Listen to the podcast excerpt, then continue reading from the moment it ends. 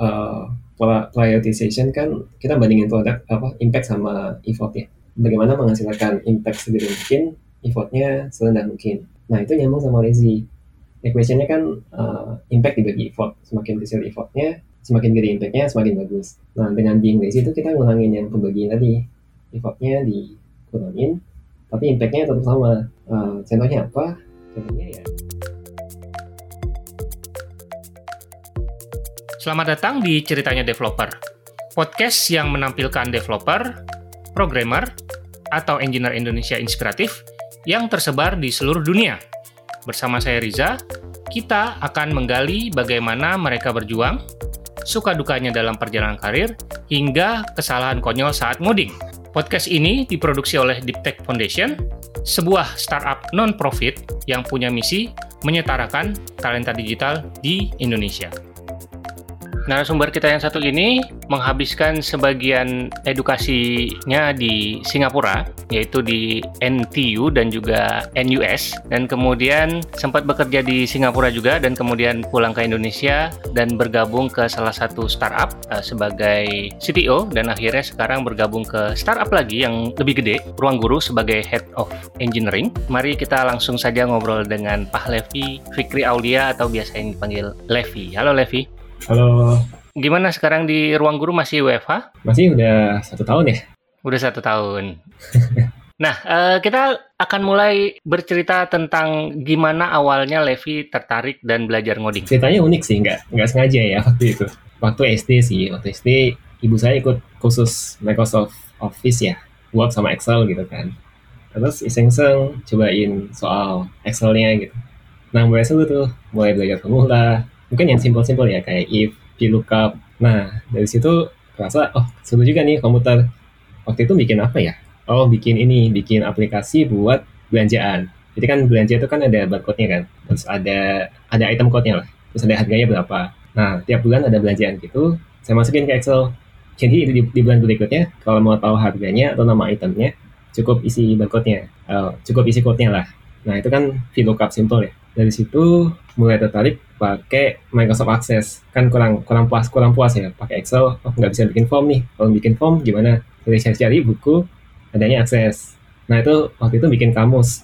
Bahasa Indonesia ke bahasa Inggris. Cuma karena nggak nggak ada background programming formal ya jadi waktu itu ada konyolnya uh, harusnya nggak bisa looping ya kayak A sampai Z itu bisa looping gitu. Cuma karena nggak tahu jadi bikin if else 25 kali gitu.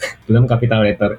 Masih kurang puas juga pakai Microsoft Access coba pakai Visual Basic form applications. Mulai bikin di Excel bikin form-form gitu.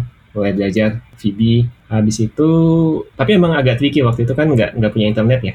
Kayak sekarang kan gampang googling. Waktu itu nyari dokumentasi juga susah. Kayak MSDN itu kan ada bukunya kan sebenarnya dictionary-nya. Nah saya nggak punya. Dari internet juga nggak bisa. Jadi kalau mau cari tahu sesuatu ya agak susah ya perlu dari buku dan di buku itu juga cuma snippet-snippet khusus. Akhirnya beli buku di toko buku. Waktu itu mungkin anak SMP ya, jadi memang suka yang iseng-iseng. Mulai nyoba-nyoba bikin keylogger, bikin virus gitu. Nah itu ada bukunya, buku keylogger, bikin virus. Coba-coba pakai Visual Basic sih. Cuma cuma seneng. Virusnya itu ya paling cuma sesimpel bisa ngelakin mouse gitu ya. Bentuk huruf L gitu. Gerak sendiri. Wah waktu itu seneng banget. Akhirnya makin minat. Waktu SMA ikut OSN, OSN komputer, pakai Pascal ya. Terus mulai belajar lebih dalam soal algoritma. Alhamdulillah dapat perunggu. Kemudian ya setelah itu mulai mantap sih. Kayaknya seru nih komputer science buat uh, ke depannya. Jadi uh, ya mulai kuliah ke NTU. Kebetulan di Singapura tesnya lebih spesifik ya. Jadi kalau untuk komputer science cuma butuh matematika, fisika sama bahasa Inggris. Jadi nggak nggak perlu kayak biologi, kimia itu kan susah ya. Akhirnya masuk sana. Uh, waktu itu suka pakai .NET, uh, C ASP.NET, ADO.NET gitu ya. Uh, sampai tahun ketiga mulai dikenalin teman diajakin part time pakai Ruby on Rails jadi nggak coba-coba bikin sistem gudang waktu itu dan kerasa oh kayaknya simple banget ya beautiful banget gitu ternyata bisa cepet banget bikin sesuatu. Akhirnya ya waktu itu waktu sebelum kenal Ruby, Ruby on Rails tuh saya orang Microsoft banget gitu ya. Jadi ya kalau bukan produknya bukan produknya Microsoft kayaknya nggak keren gitu. Tapi setelah kenal Ruby on Rails mulai explore banyak hal, Python, JavaScript, nyobain Django, AngularJS, ya lama-lama mulai mulai banyak uh, bahasa pemrograman yang disukai gitu ya. Mungkin kurang lebih itu, jadi dari ketidaksengajaan sampai sampai benar-benar serius. Nah, Ini menarik sekali ceritanya. Jadi awalnya mulai dari office sederhana, terus nggak puas, cari buku, ketemu buku Keylogger, virus, dan lain-lain. Itu pakai Visual Basic kan ya tadi ya? Iya, Visual Basic. Oke, Visual Basic. Terus uh, tertarik lagi akhirnya uh, masuk ke apa SMA tadi ya. Uh, baru ke Pascal. Jadi yang visual dulu, abis itu ke Pascal itu sempat ada mengalami itu nggak sih problem gitu? Karena sebelumnya kan visual kan kayak IDE kan drag and drop gitu ya. Habis itu Pascal kan kayak balik lagi ke masa sebelum drag and drop itu kan. Begitu juga pas kuliah kan. Pas kuliah kan udah udah nyaman dengan .NET dan segala environment yang dimanjakan gitu kan. Terus abis itu ketemu Ruby on Rails yang harus terminal gitu kan, pakai editor yang biasa bukan IDE dan lain-lain. Mungkin bisa uh, diceritakan juga. Uh, iya, sempat culture shock ya waktu itu. VB.NET kan seru ya bikin VB ya paling enggak uh, bikin aplikasi yang visual kelihatan gitu. Pascal kayak masih DOS gitu kan. Terus juga gunanya apa ya belajar competitive programming kayaknya nggak gitu useful. Makanya waktu itu emang kayak ya agak setengah-setengah gitu ya belajarnya. Cuma emang emang uh, akhirnya seru juga sih karena bisa ya kayak belajar rekursif itu seru banget dynamic programming. Ya akhirnya suka juga walaupun secara bahasa agak kurang hmm, suka ya kenapa pakai okay. Pascal gitu. Karena sebelumnya udah lebih enak gitu ya. Hmm, kalau kasusnya Ruby itu juga culture shock ya karena uh, Visual Studio itu kan one of the best IDE gitu. Ruby IDE-nya apa gitu kan? Hmm. Atau komputernya nggak ada gitu. Iya. Tapi lama-lama suka uh. dan sekarang pun most of the time ada di ada di film juga sih. hmm, malah malah ke editor lagi balik lagi ya. Mm -mm. ke tradisional lagi ya. Suka yang simple. Mungkin mungkin ini kali ya uh, apa namanya kalau dulu awal-awal baru belajar kan kita harus mempelajari API dan metode-metodenya kan. Hmm. Begitu udah hafal mungkin editornya udah nggak terlalu perlu lagi kali ya. Apa uh, eh, IDE-nya gitu ya. Iya, secara bahasa juga kan simpel ya. hmm, secara bahasa lebih simpel. Oh. Hmm. Mungkin bisa dilanjut ceritanya habis kuliah, bachelor degree terus uh, ambil master juga, kemudian setelah lulus ngapain? Uh, ya mindsetnya kerja ya. Belum waktu itu belum booming startup. Kalaupun ada masih ya masih kecil-kecil ya. Walaupun sekarang udah jadi unicorn startup itu. Waktu itu di IBM. Kenapa IBM? Memang karena cari yang gede gitu company Timnya IBM waktu itu. IBM itu kan kayak company gede tapi di dalamnya banyak startup-startup kecil gitu. Waktu itu megang ATM. Mungkin banyak nggak banyak nggak tahu ATM itu OS-nya tuh Windows sebenarnya. Kalau lagi ngehang kelihatan tuh ada Windows-nya. Mm -mm, blue screen gitu ya. mm, codingnya juga pakai Java, lumayan megang hardware juga. Jadi literally pernah buka ATM, ambil uang dari dalam, terus tahu bagaimana ngeluarin uang gitu ya. Masukin pin pad, uh, lumayan seru. Tiga tahun di situ. Tapi karena itu kan stand alone ya. Pengen nyoba sesuatu yang lebih gede. Dan kebetulan lagi ada lowongan waktu itu di Indonesia di job.com uh, diajakin balik Indonesia. Dan kebetulan juga anak pertama mau lahiran. Jadi kayak ya udah deh sekalian balik Indonesia gitu. Akhirnya join. Kaget juga karena membernya cuma dua orang saya sama satu lagi uh, dan itu cuma backend. Oh, developernya cuma dua pada saat itu ya, pada saat join? Cuma dua, cuma satu ya? Satu ya? satu. Sama Levi jadi dua uh, gitu ya? Itu pakai Ruby on Rails. Jadi, okay. Dan memang udah ada code base-nya sebelumnya, lumayan bagus, jadi bisa belajar juga dari situ. Dan menarik karena startup kecil banyak banget yang bisa dieksplor gitu ya. Mulai dari backend waktu itu Ruby on Rails, terus kemudian uh, React waktu itu nyoba nyoba nyobain itu sebelum sebelum cool Reactnya belum belum tahu belum banyak yang tahu pakai React kita nyobain agak agak capek juga ya soalnya belajarnya susah waktu itu ya. Belajar JavaScript ya six aja juga masih bingung. Webpack sama dulu bukan cuma Webpack ya masih ada yang lain. Ada Gulp dan lain-lain tuh harus manual semuanya ya? Uh, Gulp. Ya masih nyari-nyari belum tahu yang jelas yang benar apa. Terus tapi akhirnya bisa bisa ekspor juga ke backend Kubernetes uh, eh, AWS GCP itu bisa otak-atik. Sebenarnya di situ jadi selama empat tahun di JET uh, bisa explore banyak hal, bisa belajar banyak lah di situ end to end sampai ke produk sampai tim data juga. Setelah empat tahun, jadi saya motivasi kerja itu biasanya buat belajar. Alasan balik ke Indonesia juga sebenarnya ingin belajar, anggap aja kayak S2 tambahan gitu ya. Gimana mulai startup, begitu pula ketika sudah empat tahun di hijab, kayaknya ingin belajar lagi gitu. Di mana ya tempat belajar yang paling cocok. Uh, nyoba-nyoba-nyoba, ada beberapa yang dapat waktu itu. Cuma melihat dari tim size-nya dari opportunity untuk belajar sama explore itu kelihatannya di ruang guru paling enak gitu. Sekarang di ruang guru uh, head of head of engineering ya menarik karena karena emang tim size-nya belum besar ya. Terus projectnya banyak uh, dan bisa belajar end to end di sini walaupun walaupun sehari-hari nggak coding ya tapi masih bisa diskusi teknikal. Bisa dari mobile front end back end sampai ke infra. Tinggal tinggal colek aja siapa yang mau diajak ngobrol nanti bisa belajar Berarti sehari-hari udah porsi ngodingnya sedikit kali ya? Atau tidak coding sama sekali sekarang? Nggak coding kalau di kantor ya. Nggak coding ya? Berarti manage people aja atau gimana? Ada um, dua, tiga, tiga role kurang lebih ya. Kayak pertama project management, terus product management, sama semi uh, kayak arsitek juga. Jadi diskusi technical tapi high level. Dead code masih, merge review, nge-review itu atau kalau diskusi ya masih lihat code juga. Kalau coding sih coding personal ya kayak di luar kantor. Biasanya pagi-pagi lagi suka apa sekarang suka juga kompetitif gaming lanjutan dari ketika SMA dulu. Seru aja bisa bikin otak panas gitu ya. Uh, itu pagi-pagi biasanya masih coding pas dan supaya nggak nggak kaku juga ya kan mungkin sebagai manajer udah lama nggak coding nanti kaku juga uh, pengennya tetap biar nggak rusty gitu ya hmm, biar nggak rusty kayak belajar rust gitu ya. Oke, okay. menarik ya. Nah, uh, sampai saat ini yang sudah berkarir cukup lama gitu ya sebagai seorang Levi, ada momen yang atau kontribusi yang membanggakan nggak sebagai engineer? Hmm, paling bangga sih ketika bisa nge-grow people ya, terutama di company sebelumnya kan juga apa ya kita kita lebih banyak nge-train people-nya kan, bukan bukan kayak unicorn yang bisa hire all seniors dari mana pun gitu jadi memang kita belajar bersama dulu mindsetnya. Saya juga masih belajar. Terus sama-sama belajar. Terus pastinya kan ada ada yang lulus juga ya. Nah ketika lulus dan mereka bisa masuk ke company yang bagus gitu, rasanya senang sih. Dan lumayan banyak yang masuk ke unicorn. Kalau nggak majority ya. Nah mungkin bisa diceritakan sedikit lagi di hijab itu dari dua orang berdua gitu Terus begitu Levi pindah itu jadi uh, udah berapa besar ininya tim engineeringnya? Uh, kalau nggak sampai kalau nggak salah sampai belasan ya. Mm-hmm. Engineering sama data sama produk.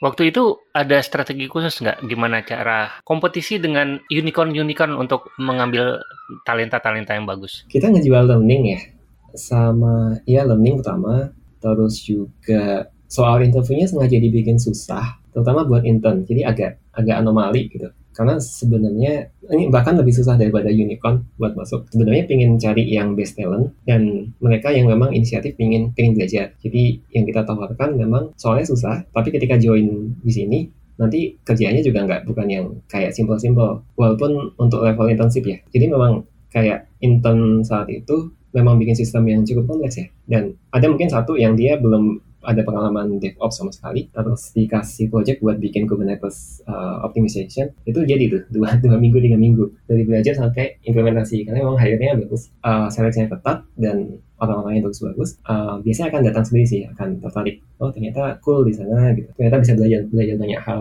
Uh, mungkin di situ Hmm, teh talk mungkin ya agak, agak dulu cukup sering isi beberapa teh talk dari situ juga kenal beberapa orang. Jadi memang ada strategi khusus yang membuat gimana caranya supaya lolosnya itu sulit gitu ya? iya, soalnya agak susah sih. Oke, okay. lucu juga ya ininya ya strateginya ya uh, di luar apa out of the box gitu ya. Biasanya supaya banyak apa supaya banyak poolnya tapi ini poolnya diperkecil tapi milihnya jadi lebih mudah ya. Uh, yang yang lolos-lolos itu jadi bisa dibilang udah hampir bisa di hire semua gitu ya kalau ada yang lolos gitu. Uh, uh, lebih suka dikit timnya tapi bagus-bagus. Oh, Oke. Okay.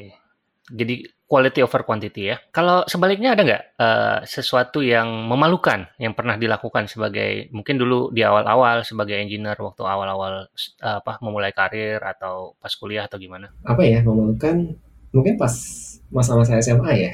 Dulu kan memang suka Microsoft product ya dan uh, mungkin pelajaran juga buat buat semuanya buat saya juga. Ya mindsetnya sempit gitu. Taunya ini paling bagus dulu ada bikin forum kita teman ada bikin forum debat soal bahasa pemrograman terus ya sok tahu aja gitu. Bilang VB bagus terus uh, C++ jelek Python jelek gitu kan. Padahal nggak tahu sama sekali. Gitu. dan karena online sampai sekarang masih bisa dilihat gitu kalau di search komitmen saya. Kita membenci sesuatu yang tidak kita tahu gitu ya. Betul. nah kalau mentor punya mentor nggak sih di awal karir sebagai engineer? Uh, waktu SMA ada ya waktu itu kan ikut uh, eh, OSN komputer ya, Olimpiade komputer. Itu dari sekolah juga mencarikan mentor, dosen waktu itu. Uh, seneng karena diajarin yang aneh-aneh ya kayak bikin kalkulator gitu pakai pakai stack pakai Q terus bikin recursive back backtracking itu senang banget waktu itu. Ya berutang budi banget sama mentor tersebut. Selama kerja sekarang sih menurut saya semuanya mentor sih. Uh, mungkin cerita saya tadi kan ya motivasinya belajar gitu kan. Jadi kalau pengen tahu sesuatu ya biasanya diskusi aja sama engineer-engineer di tim minta tolong diajarin minta tolong diskusi ya mereka mentor saya gitu walaupun bukan bukan secara formal mentor ya tapi secara de facto teman-teman saya itu mentor. Jadi mentor itu nggak nggak spesifik satu orang yang dedicated untuk uh, nemenin kita belajar gitu ya, tapi siapa aja bisa jadi mentor, baik yang umurnya lebih muda, yang lebih senior atau apa, secara role mungkin uh, lebih junior gitu ya. Iya. Yeah. Semuanya bisa hmm. ya. Kalau sosok engineer yang diidolakan mungkin ada nggak? Uh, nggak gitu gaul sih. nggak ada ya spesifik person. Kalau apa kan Levi sempat jadi apa uh, fansnya Microsoft gitu sama apa uh, Bill Gates nggak nggak idola dulu suka sama yang bikin C ya itu kan namanya yang bikin TypeScript kan? oh yang bikin C Sharp dulu suka karena C sekarang yang, yang sama yang bikin TypeScript sama nggak sih sama yang bukan mm -hmm. sekarang bikin TypeScript sama ya yang bikin TypeScript ya uh -uh. karena emang siapa siapa namanya lupa ya Andus siapa ya secara bahasa memang keren waktu itu. Sampai sekarang sih masih masih keren kan sebenarnya ya? Andus Health Masih bahasanya juga masih oke. Okay. Dan mulai relevan lagi ya gara-gara ada hmm. apa core ya? ASP Core ya kalau nggak salah .NET Core .NET Core ya? ASP.NET Core ya. Oh ya sebelumnya dia bikin Pascal sama Delphi. Hmm lumayan nyambung ya. Ya lumayan nyambung sih sama karya saya. Tadi kan udah sempat cerita tentang apa role-nya saat ini di ruang guru mungkin uh, bisa diceritakan juga persamaan atau perbedaan role CTO pada saat di JAP dengan role head of engineering itu apakah jalurnya sama atau jalurnya beda atau uh, apa role pekerjaannya itu sama atau beda atau gitu? Kalau dibandingin sekarang sih kurang lebih sama ya. Kayak jadi mini mini CTO walaupun role-nya nggak nggak segede itu, tapi secara scope kerjaan sama. Mungkin minus minus produk sama data ya. Dulu kan ada produk sama data. Kalau hiring masih sama, hiring juga. Growing people juga sama. Mungkin bahkan lebih challenging di sekarang ya karena tim membernya udah 100 lebih kan projectnya juga jauh lebih banyak gitu domain knowledge-nya juga banyak banget kalau dulu kan memang produknya satu terus timnya juga uh, belasan produknya juga nggak terlalu nggak secepat di sini ya ya kurang lebih sama sebenarnya plus minus okay. Jadi kurang lebih sebenarnya sama, cuman beda titlenya dan mungkin beda ukuran organisasinya ya. Yeah. Karena yang satu kan masih belum terlalu besar, yang ini udah cukup besar. Levelnya jadi berubah, walaupun role-nya kurang lebih sama masih ya. Kurang lebih sama. Hmm. Nah, kalau di luar teknologi, ngoding dan lain-lain, punya hobi apa? Hobi ganti-ganti ya. Biasanya suka baca, tapi sekarang karena lagi heboh kemarin, uh, catur ya. Jadi lebih suka lagi suka catur sekarang. Oh, lagi suka catur. Oke. okay. Jadi main catur online juga? Iya, chess.com. Lagi nge-hype ya catur ya? Uh, uh, lumayan lagi juga ternyata. lumayan lagi ya? Lumayan ada gamification ranking gitu. Oh, baru tahu nih. Ya, bolehlah dicoba saya sekali. Menarik, menarik. Uh, berikutnya adalah uh, saya pengen nanya yang berhubungan dengan waktu definisi di apa uh, di Activate waktu itu yang bilang kalau developer itu harus uh, lazy. Kalau bahasa Indonesia-nya lazy itu apa ya? Males ya? Enggak, agak kurang relevan ya kalau males ya. Apa ya? Mungkin bisa dijelaskan kenapa developer itu harus malas gitu atau harus lazy lah ya. Jangan bilang malas ya. Kayaknya negatif konotasinya kalau malas. Ini kayaknya saya, saya dapat dari suatu tempat juga ya, being lazy gitu. Uh, prioritization kan kita bandingin produk apa impact sama effort ya. Bagaimana menghasilkan impact segede mungkin, effortnya serendah mungkin Nah itu nyambung sama lazy. Equationnya kan uh, impact dibagi effort. Semakin kecil effortnya, semakin gede impactnya, semakin bagus. Nah dengan being lazy itu kita ngurangin yang pembagian tadi. Effortnya dikurangin, tapi impactnya tetap sama. Uh, contohnya apa? Contohnya ya kalau memang itu misalnya ada sebuah project ya, kalau itu emang bisa dikerjain pakai Microsoft Excel, kenapa harus bikin UI gitu? Kan opsinya bisa jadi kita bikin form habis itu bikin frontendnya pakai React macam-macam backendnya Golang atau apa di deploy tapi kalau itu bisa disolve dengan Excel aja dan iterasinya bisa jauh lebih cepat ya kenapa enggak gitu. In fact sekarang juga untuk project management walaupun bisa aja di code ya bikin SQL yang macam-macam tapi sekarang kebanyakan di Excel sih bikin formula gitu terus bikin makro uh, pakai AppScript ya di Google Sheet. Itu bisa bikin banyak automation bisa masuk ke Slack juga. Udah produktif sih dengan effort yang sangat rendah. Mm-hmm. poinnya itu sih lazy itu mengurangi effort dan memperbanyak impact kalau bisa. Memperbanyak impact. Jadi nggak mesti semuanya harus dengan uh, ngoding gitu ya. Kalau bisa di apa uh, diselesaikan dengan tools-tools uh, yang sudah ada gunakan tools yang sudah ada baru kemudian di di improve dari sana gitu ya. Mm-mm. Hanya ketika udah nggak scalable aja ya baru di baru di improve gitu ya. Misalnya saya nggak pakai Excel, misalnya beneran coding gitu. Untuk ngubah satu UI aja kan cukup banyak diubah ya. Backendnya database-nya diubah, macam-macam. Pakai Excel kan tinggal Simple nama satu Iya, kolom aja. betul. Apalagi uh, apa harus support uh, apa namanya real time terus multi user gitu ya. Banyak sekali ya kalau bikin sendiri gitu ya. Nggak kebayang ya. Wah ya itu susah. Jadi bisa satu sprint sendiri untuk bikin itu ya atau lebih. Nah, tadi kan uh, salah satu hobinya adalah baca buku. Mungkin ada rekomendasi buku buat teman-teman uh, pendengar ya. Buku terakhir yang uh, mengubah mindset ada nggak sih? Ya mengubah mindset. Pragmatic Programmer kali ya. Baru-baru ini baca. Yang lainnya banyak kan technical sih. Kayak Practical Film, Manage, Manager's Pad itu. Itu juga bagus. Manager's Pad itu dari dijelaskan dari level uh, software junior dulu, bagaimana menjadi senior, kemudian menjadi manager, kemudian menjadi manager of manager, sampai VP level gitu. Kalau technical kayak competitive programming, uh, microservices, buku-buku soal itu. Atau yang agak masih nyangkut sampai sekarang tuh The Effective Engineer ya. Ini udah lama bacanya, tapi sampai sekarang masih berkesan. Hmm, apa yang membuat buku itu berkesan? Kayak lazy mindset itu juga ada di situ deh. uh, ya bagaimana menjadi engineer efektif. Misalnya bagaimana nge-automate a lot of repetitive task gitu ya. Itu kan mungkin awalnya kita nganggap itu pekerjaan biasa aja. Nggak penting buat, nggak, nggak ujian buat dibikin gitu ya. Tapi ternyata itu bisa impactful. Terus detailnya agak lupa ya, udah lama banget baca. DevOps misalnya, itu kalau nggak salah dibahas juga bagaimana supaya semuanya produktif nggak keblok di tim infra semuanya bisa deploy. Mm-hmm, semacam itu. Agak mirip sama pragmatic programmer sebenarnya. Oke okay. jadi intinya sebenarnya yang tadi juga uh, Levi sempat uh, ceritakan tentang lazy itu berarti jangan jadi developer idealis ya lebih efektif dan pragmatis gitu ya. Iya agak pragmatik mm. karena yang kita solve kan bisnis impact ya bisnis problem kadang agak kadang yang kita lupa gitu. Kasihkan tapi bisnis impactnya kecil dan waktunya lama buat bikin. Waktunya lama, ya waktu pengerjaannya panjang tapi impactnya hampir nggak ada gitu ya. Betul. Ya impactnya ada tapi lambat mungkin ya. Iya mungkin ada tapi sedikit atau lama gitu ya. Mungkin impactnya besar juga. Mm -hmm. Oke jadi nggak apa-apa semuanya dibikin sendiri tapi memanfaatkan apa yang sudah ada. Mungkin kalau yang masih apa masih idealismenya masih tinggi mungkin bisa di apa ya dicurahkan ke project-project uh, open source atau hobi gitu ya bikin-bikin project di weekend gitu mungkin masih bisa gitu ya. Tapi kalau untuk kerjaan mungkin lebih ke yang penting bisa deliver cepat dan impactnya uh, juga besar gitu ya dan scalable. Iya yeah, dan okay. dan scalable gitu ya. Siap. Nah kalau misalkan ada teman-teman yang dengerin mau uh, mau keep in touch dengan Levi sosial media yang paling aktif di mana ya uh, atau nggak aktif? Sekarang di Facebook sih masih generasi itu generasi oh, tua ya. generasi tua. iya masih di Facebook. Hmm, Instagram tapi nggak gitu aktif. Nggak gitu aktif. Yang berarti yang paling aktif di Facebook ya. Jadi tinggal cari aja uh, namanya Levi di sana ya. Yeah.